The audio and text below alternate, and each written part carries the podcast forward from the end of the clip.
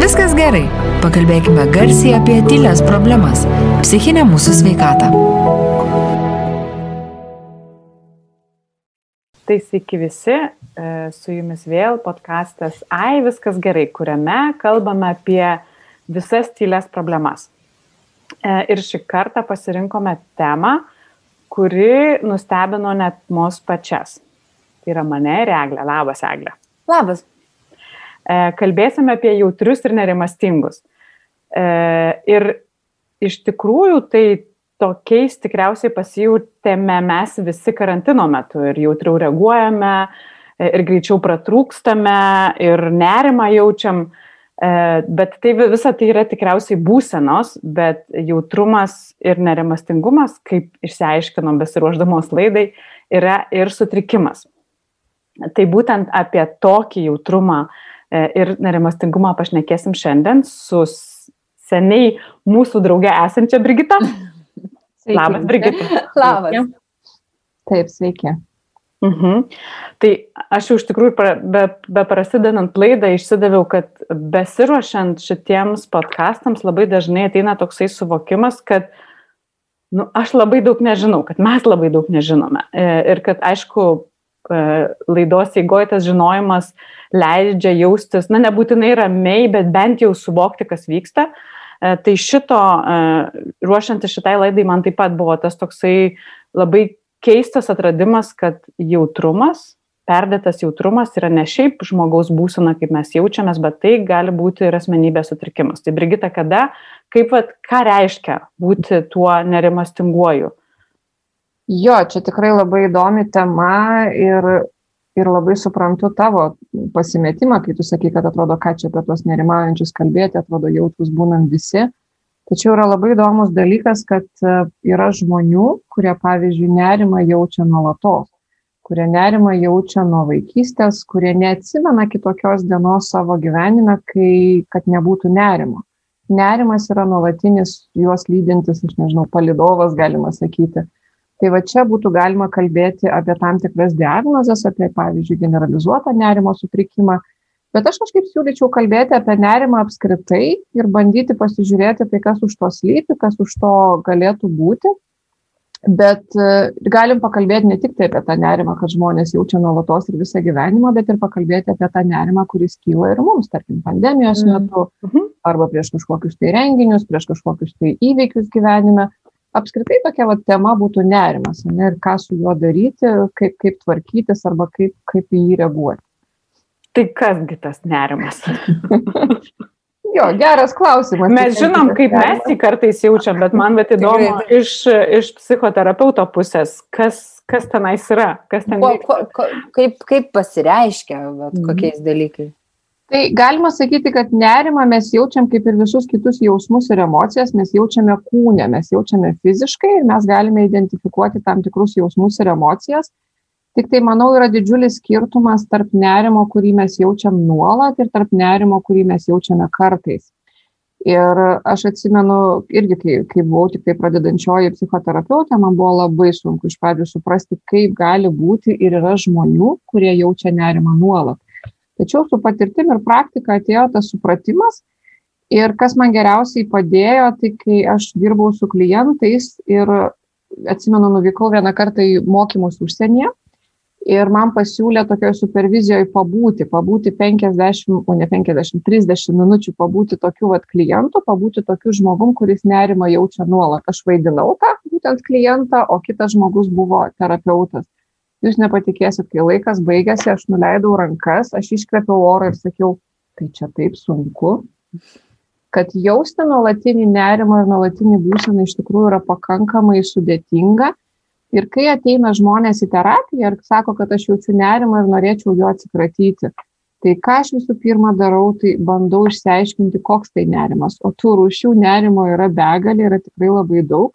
Bet vienas iš pagrindinių klausimų man būna, kurį aš užduodu ir kuris jau šiek tiek parodo, kur link judėti, tai yra, ar tai yra nuolatinė jūsų būsena, ar jūs jaučiate tą nerimą nuo kažkokio, tai nežinau, įvykio gyvenime, galbūt kažkas atsitiko prieš 2, 3 ar 5 ar 10 metų, o galbūt jūs tą nerimą jaučiate dabar, tarkim, pandemijos metu ir panašiai. Ir nuo to labai daug kas skiriasi, labai priklauso, apie ką mes kalbame toliau ir kur link judame man vat čia vat įdomu tas vat nerimas nes atrodo kad nu yra kaip ir vėlgi no normalu įprasta arba bent jau atpažįstama nerimą jausti na prieš kažką ta prasme yra renginys arba yra pandemijos metu nežinomybė arba ten baimė bet tikrai yra kažkaip sunku vat įsijausti į tą būseną kad nuolatos dėl ko ta prasme kas atsitinka su žmogum kad nuolatos yra nerimaujama tada jis kaip išplinta kažkaip čia Nes kartais būna tas jausmas, žinai, va, kaip tu sakai, kai tu žinai, dėl ko tu nerimauji, o kartais būna va toks, kur vat kažkoks tas nerimas yra, bet tu nesupranti, nu, ko, ko tu bijai, kas čia tave dirgina dabar, va toks, nu kaip ir negali sakyti, kad be priežasties, bet labai sunku tą priežastį atsekti tiesiog. Mhm, mhm. Aš tai kartais man padeda tas skirstimas, toksai aiškinimas, kad nerimas gali būti produktyvus ir neproduktyvus. Tai vad produktyvus nerimas, galima sakyti, tai yra ta būsena, kai aš nerimauju, kai man nėra patogu, nėra gera.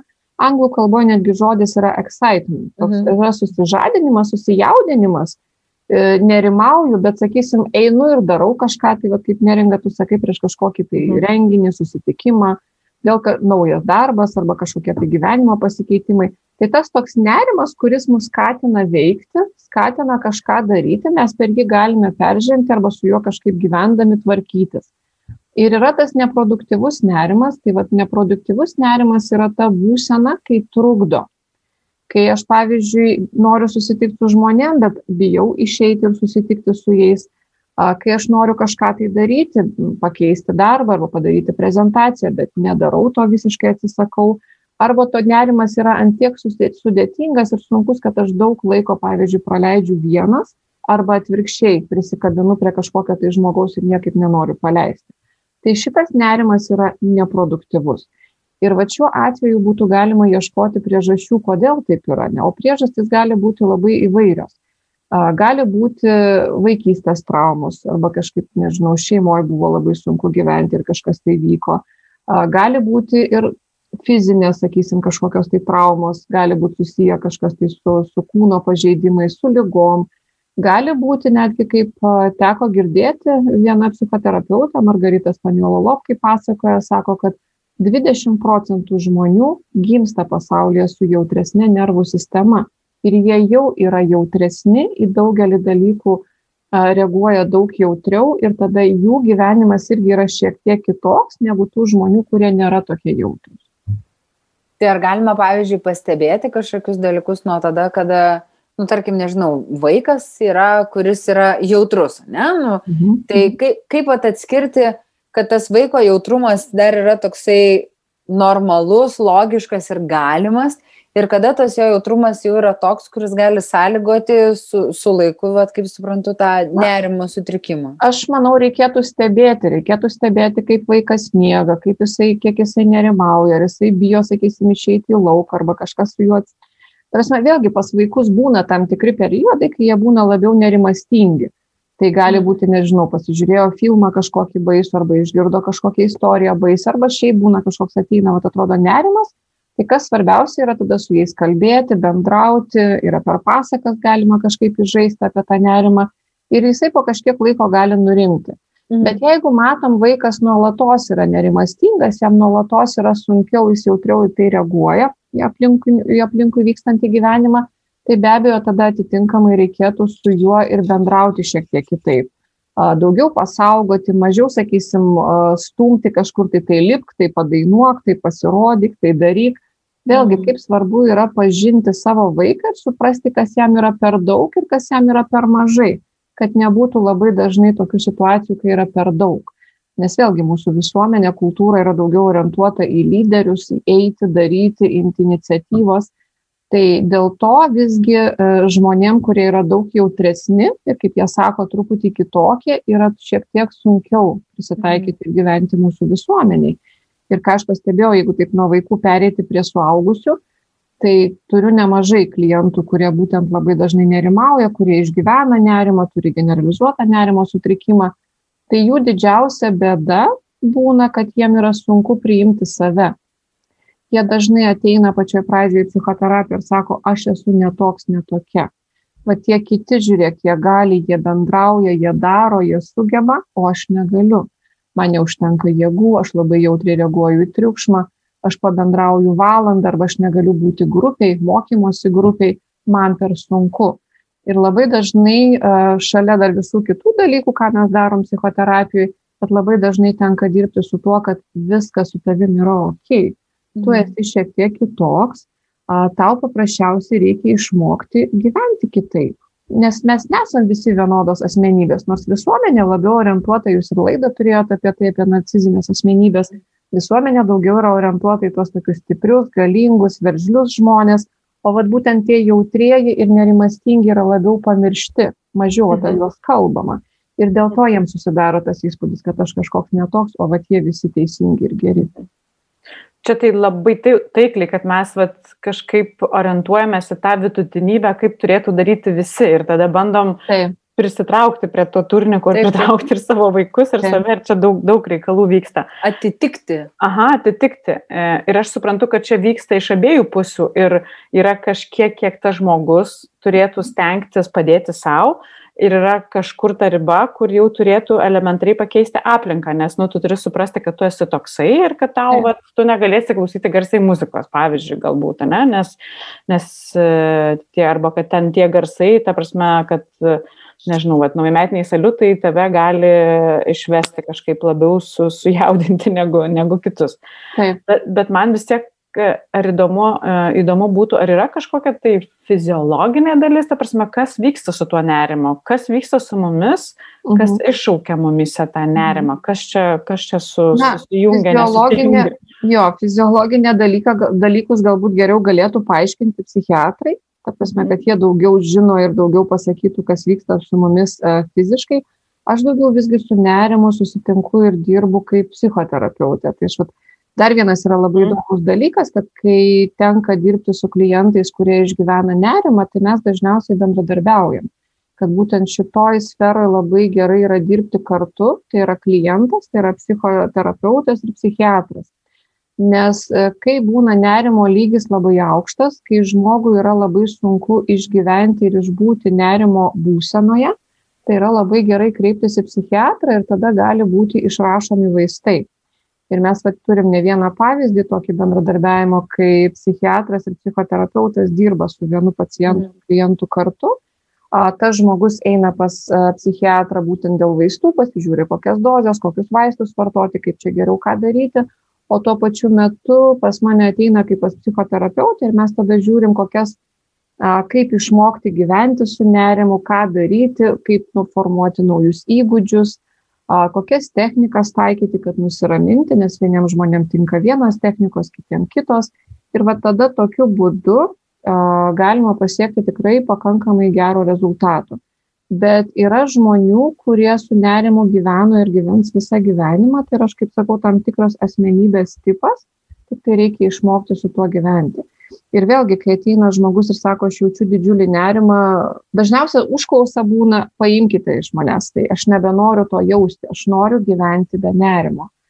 Tai jeigu tai būna tas žmogus, kuris yra jautresnis, kuris visą laiką gyvena su nerimu, tai aš jau iš karto pasakau, kad, na, aš suprantu tavo norą, aš suprantu tavo svajonės, bet o ką darysim, jeigu taip neatsitiks? Mes galim išmokti gyventi su nerimu, bet galbūt jisai niekada nedings kai kurie supyksta iš pat pradžių, kad, na, nepatinka tokia, tokia kaip, kaip pasakyti, toks pasiūlymas, bet paskui pamažu dirbant su tuo, gyvenant su tuo, tyrinėjant ir žiūrint, tikrai galima prisitaikyti ir galima kažkaip susidėlioti savo gyvenimą šiek tiek kitaip.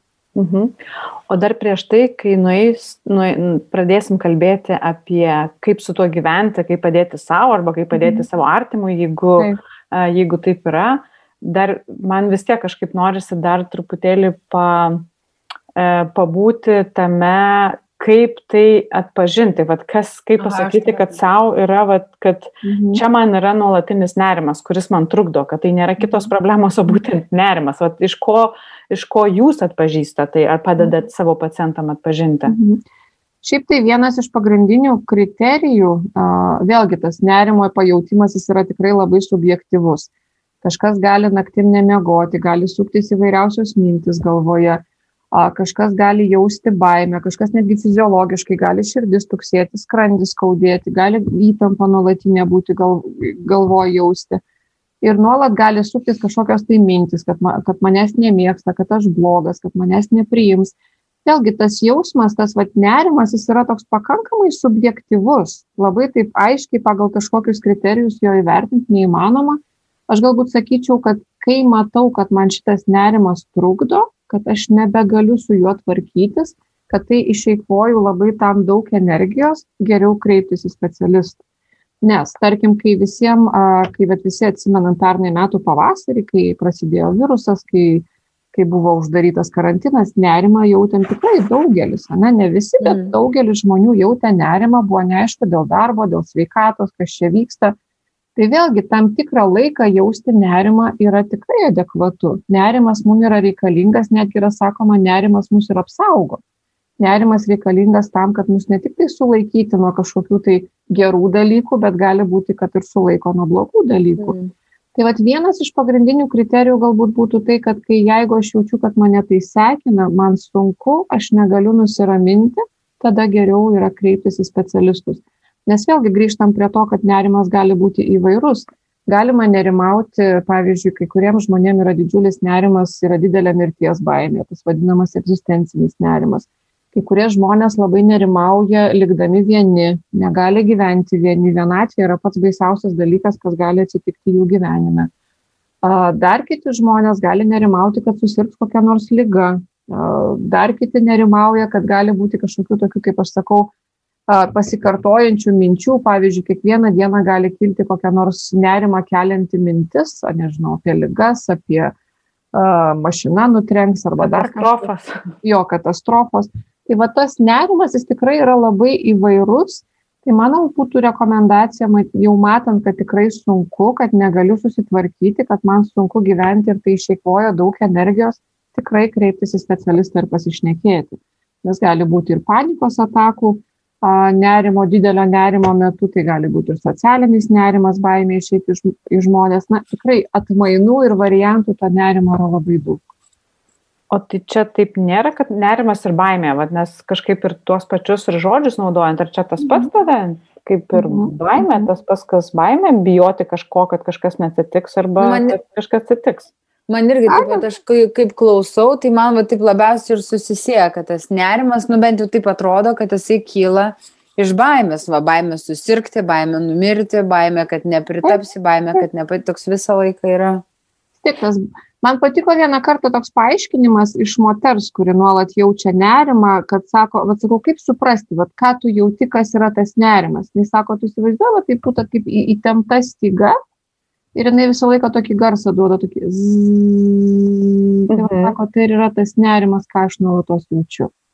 Baimė tai aš galiu jausti ir trumpai, galiu jausti ir ilgai. O tas nerimas, kuriame, apie kurį mes kalbam, tą nuolatinį nerimą, tai jis toks yra kaip visą laiką fone kažkas kabo, kažkas vyksta, kažkas toks vat, zvimbia. Mhm. Tokia kaip nuolatinė elektros srovė einanti. Taip, taip, taip. taip. Bet o ko imtis tada, jeigu žmogus va tai va jaučiasi, nu, ta prasme, jeigu, nežinau, e, aišku, suprantu, terapija yra tai, kas, mhm. kas padeda, bet kaip galbūt žmogus kažkaip gali savo padėti, jeigu jisai mhm. tą nerimą jaučia ir, ir, ir pats. Šiaip vėlgi labai gerai pačiam pasianalizuoti ir pasižiūrėti, kiek, ne, kiek laiko nerimą jaučiu, ar tai yra trumpalaikis nerimas, ar tai yra ilgalaikis nerimas, stebėti, kada kyla dažniau, kada tas nerimas mažiau, galbūt tikrai galima atrasti nerimo šaltinį. Mhm. Aš e, irgi, man atrodo, gal ir netgi jūsų podcast'e esu paminėjus, kad aš galiu jausti ir tą tokį objektyvų nerimą, pavyzdžiui, gyventi toksiškose santykiuose ir nuolatinis nerimas, kad yra gyventi tai blogai. Tai tada tokiu atveju, kaip aš sakau, galbūt reikia kažkaip peržiūrėti tos santykius, reikia peržiūrėti, kaip gyventi, kad nebūtinai tik tai tas nerimas ir jau reikia čia su juo susitaikyti ir eiti pas specialistą. Galbūt reikia keisti ir gyvenimo sąlygas. Tai nerimas stebėti, kodėl jisai kyla, kad galbūt aš galiu surasti nerimo šaltinį. Bet jeigu mes kalbam apie tą nerimą, kurį jaučia žmonės nuolatos, tai kaip padėti savo, uh, galima taikyti įvairias mindfulness technikas, lavinti, samonim, jo, lavinti samoningumą yra labai daug gerų įsižeminimo pratimų. Tarkim, vienas tas paprastas įsižeminimo pratimas - atsistoti, užsimerkti ir su kojomis įsivaizduoti įsirėmus į grindis arba į žemę geriausia, kad aš esu medis ir pabūti penkias ar kokią dešimt minučių būtent taip užsimerkus toj medžio būsamai pozicijoje, kad aš esu įsižeminęs į žemę, mano šaknys yra giliai įsišaknyčios. Tikrai labai, labai geras uh, pratimas, aš jį pati dažnai darau, toksai grinai padeda įsižeminti ir nusiraminti. Kai kam padeda meditacijos, kai kam padeda joga, kai kam padeda pasivaikščiojimas gamtoj, žemės darbai, gyvūnai, tarp kitko, irgi nerima ramina, o kai kam padeda, kad va, tas toksai dalykas pasišnekėti su artimai žmonėmis, jeigu yra su kuo galima artimai pasišnekėti. Tai va, nerimui, nerimui raminti be vaistų yra tikrai labai daug visokiausių būdų, bet irgi ką pastebėjau iš klientų, kaip svarbu yra pasirinkti savo tinkamą, nes kas tinka vienam gali visai kitam netikti. Tad svarbu pabandyti keletą variantų ir išsirinkti, kas būtent tam žmogui tinka ir praktikuoti dažniau. Bet man tie pratimai atrodo, kad jo, kai, tau, kai jauti nerimą, kuris yra tam tikra būsena susijusi su objektyviais faktais, tai, na, tada tie pratimai atrodo kaip ir gali būti veiksmingi, bet jeigu tai yra tavo jau tavo dalis, ta prasme, kažkoks tai sutrikimas, aš įsivaizduoju, kad tai yra jau nu, truputį sudėtingiau, nes net nebūtinai gali atpažinti, kad tu jį turi. Tai man dar įdomu, vad kaip, pavyzdžiui, kaip padėti kitiems, ne tai, kad susitaikyti, bet atpažinti, kad vat, mhm. vat šitas žmogus yra toksai, ta prasme, ne, ne, nesvarbu, kad ten įkeisti, bet vat, kad nu, jisai nerimastingas, dėl to taip elgesi. Šiaip labai įdomu, kad iš tikrųjų yra tam tikros tendencijos ir galima šitą asmenybės tipą, kas jaučia nerimą nuolatos atpažinti. Ir man teko šiek tiek mokytis bioenerginės analizės, tai yra kūno psichoterapijos kryptis, sukurta Aleksandro Lojeno, mediko, vėliau psichoterapeuto. Tai jis yra aprašęs penkis charakterių tipus ir vienas iš jų pats pirmasis psichologiškai yra pavadinimas šizoidinis charakterio tipas, tai yra žmogus, kuris nuolat jaučia nerimą ir yra labai jautrus. Tai tokį žmogų galima atpažinti netgi pagal išvaizdą. Tai dažniausiai būna labai smulkaus sudėjimo žmonės.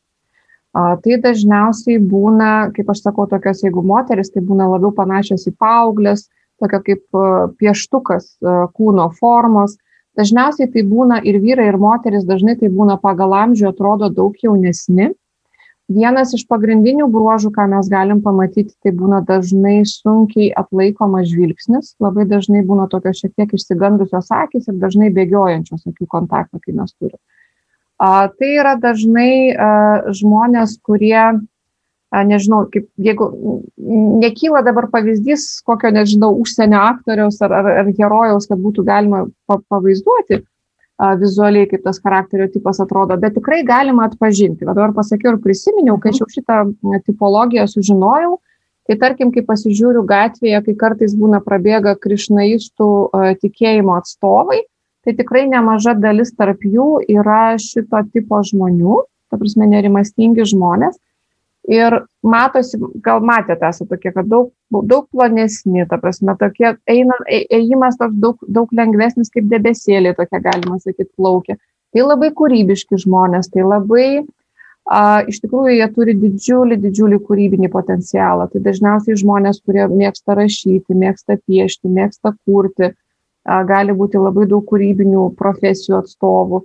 Tai žmonės, kurie gali būti užsidarę ir dirbti atskirai vieni Tai va tam tikrus bruožus galima pastebėti ir netgi žinant tam tikras būtent Aleksandro Lojano teoriją ir praktiką, galima netgi matyti, kad tam tikrų bruožų yra ir irgi ant kūno tai galima pastebėti, sakysim, kaip aš sakiau, va, sakysim, akis labai dažnai bėgiojančios ir sunkiai atlaikytas žvilgsnis, gali būti kojos labai smulkutės ir panašiai.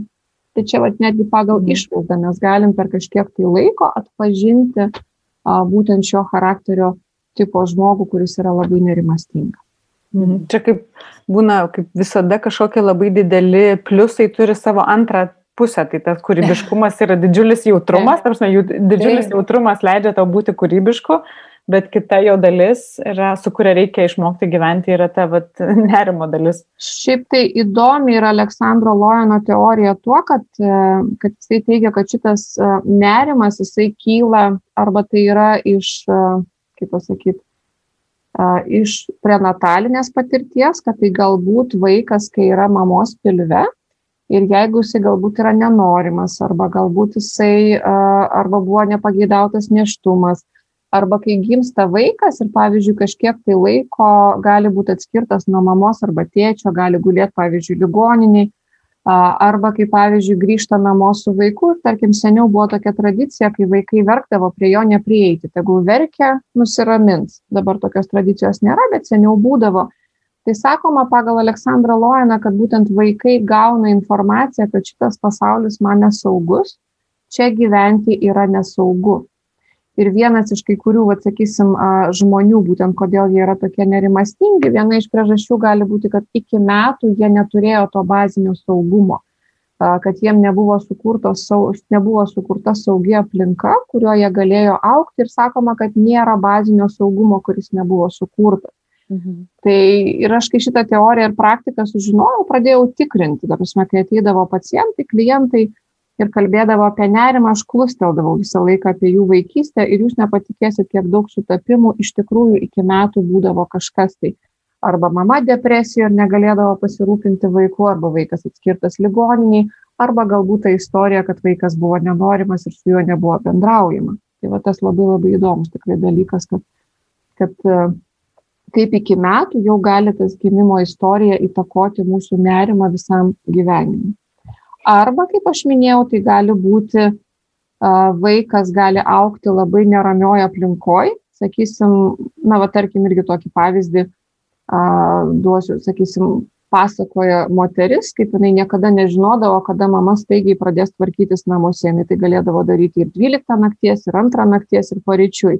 Ir vaikui niekada nebūdavo saugių ribų, jis nežinodavo, ko tikėtis ir irgi tai sukeldavo nerimą. Tai va irgi vienas iš pavyzdžių, kaip nerima gali sukelti būtent vaikystės patirtis ir paskui jos įsirašo į kūną ir mūsų psichiką ir mes paskui su tuo gyvename. Bet tai ką aš tada girdžiu ir kaip aš suprantu, kad tai yra elementariai saugumo tas nejautimas verčia mus, e, na, nuolatos bijoti, kad vėl kažkas tai nutiks, ne? Objektyviai, neobjektyviai, čia antras klausimas, bet būtent tas saugumo neturėjimas.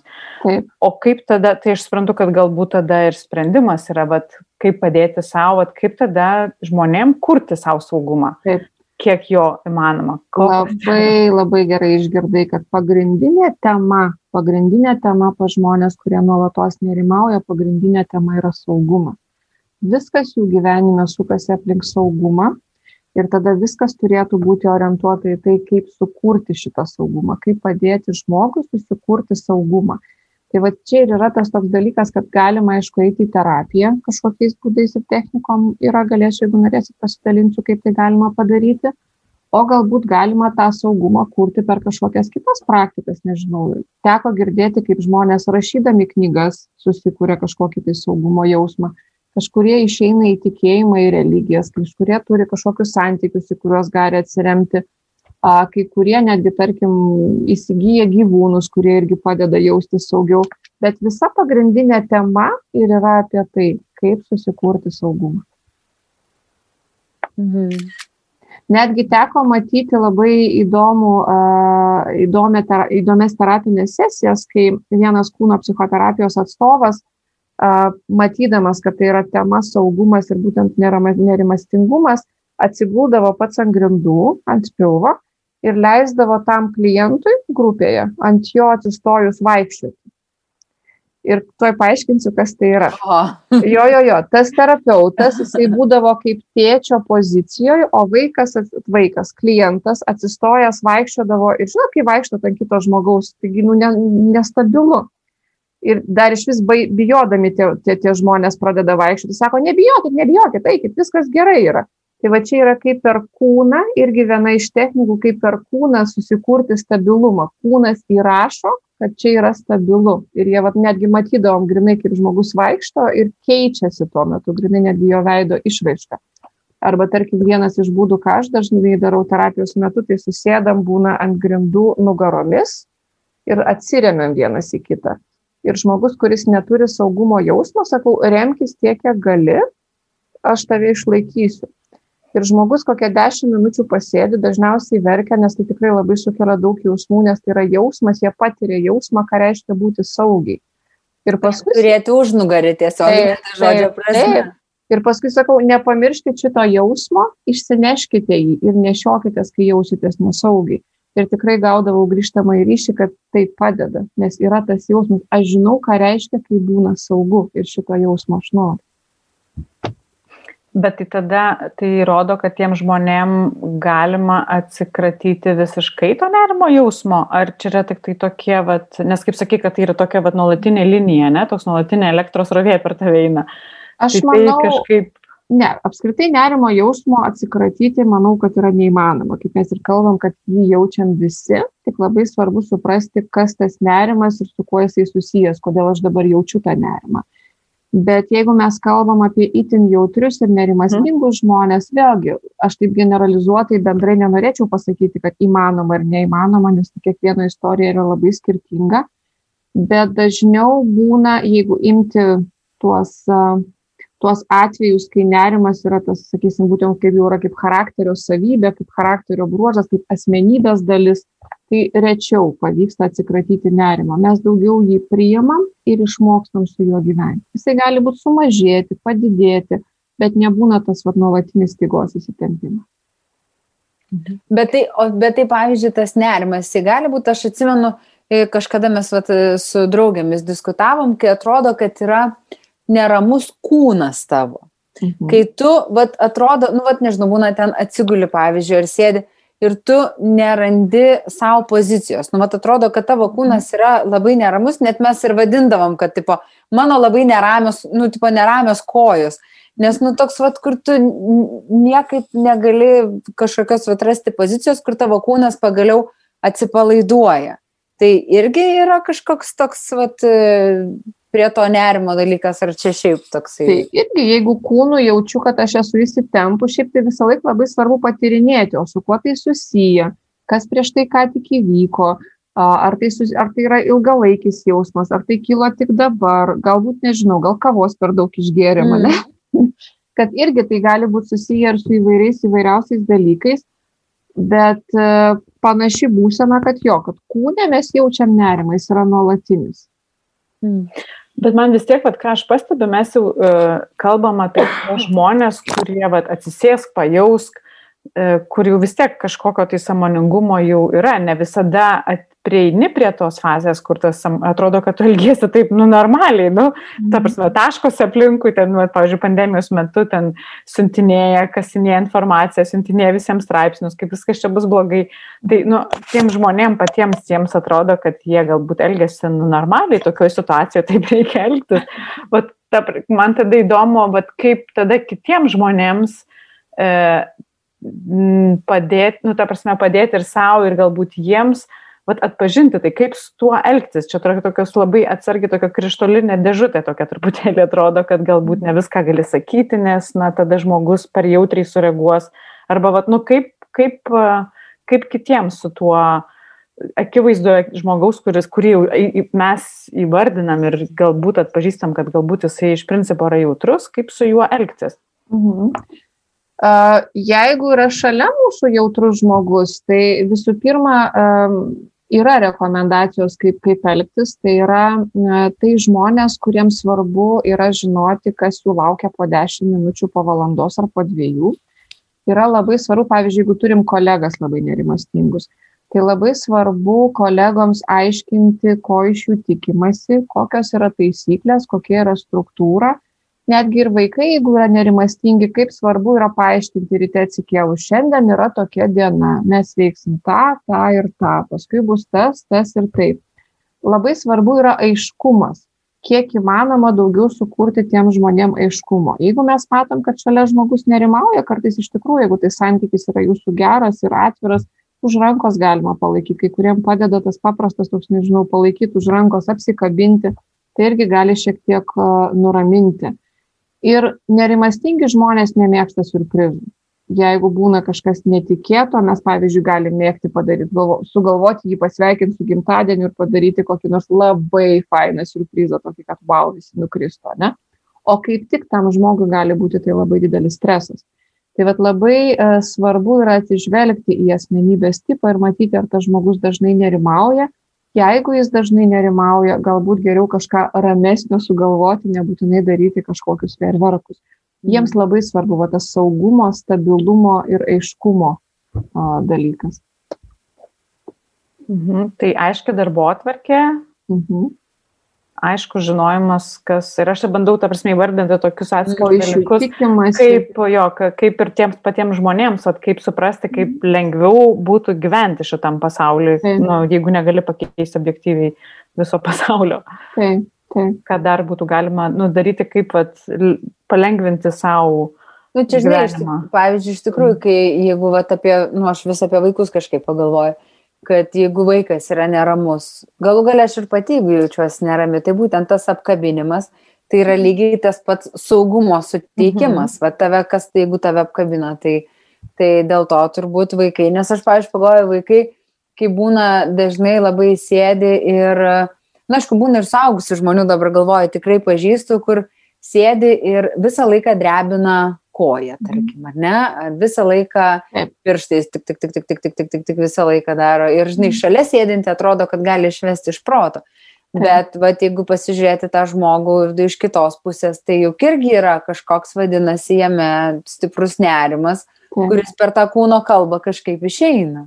Taip, tikrai taip aš atsimenu netgi esu turėjus atvejį kai kai buvo klientas kuris nuolatos vat sėdėdavo ir visą laiką toks tiesiog tu dreba ta prasme tiek Mm. rankom tiek tiek kojom tiek rankom barbena tai aš net vieną kartą nebe nebesugebėjau išbūti aš pati atsistojau ir pradėjau vaikščioti po kabinetą nes man buvo tiek daug ir aš tada galvoju kaip žmogui yra sunku va tą vidinį nuolatinį nerimą yra jausti ir teko netgi pavyzdžiui iš tų būdų ką daryti teko girdėti net iš e, žmonių tokių atvejų kad netgi storos viską užklojančios antklodės padeda nusiraminti Taip. Jie dažnai, jo, jie dažnai dalinasi, sako, kad aš aps, apsidedu ten 3-4 kaldras, miegu ir tada, kai aš jaučiu svorį ant savęs, man darosi ramiau. Tai va čia irgi iš tos serijos, kad įžemina. Juos įžemina. Saugumas. Jo saugumo jausmas. Tai taip, ok, tai dabar aš tai jau galvoju, tai gerai, tai tada, jeigu, pavyzdžiui, taip šiek tiek labiau apibendrinant, mhm. tai esminiai, pavyzdžiui, nežinau, kokie e, keturi dalykai, kaip žmogus turi, kad, kada jisai turi į save sureaguoti ir suprasti, ar bent e, suprasti, nežinau, gal sureaguoti iš savo artimo žmogų, bet tiesiog, vat, kad suvokti, kad tai nėra tiesiog nerimas dėl, nežinau, naujo projekto, naujo darbo ar kažko labai, ką tu gali konkretizuoti, mhm. bet nerimas kaip, kaip toks, kuris jau kelia, kaip tu minėjai, diskomfortą ir, ir trukdo kokybiškai gyventi. Jo, gal reikėtų tada atkreipti dėmesį, ar jaučiuosi pavargęs, jeigu dažnai jaučiuosi pavargęs, jeigu dažnai uh, pastebiu, kad jausmai yra nestabilus, kad jaučiu nuolat baimę, sunku nusiraminti, dažnai būna sunku priimti save, daug, kaip aš sakau, tokių meninių filmų apie tai, kas bus, jeigu bus. Mm. Ir didelis nuovargis, išsekimas, toks tiesiog, kad dažnai būna, kad ir valgyti nesinori arba valgoma prie bėgomis, tai atkreipti dėmesį į šituos uh, dalykus. Jeigu viskas viename, tai jau tikrai reikėtų kažką tai daryti. Mhm. Ir padėti savo bandyti lyst po storą sunkia kaldra.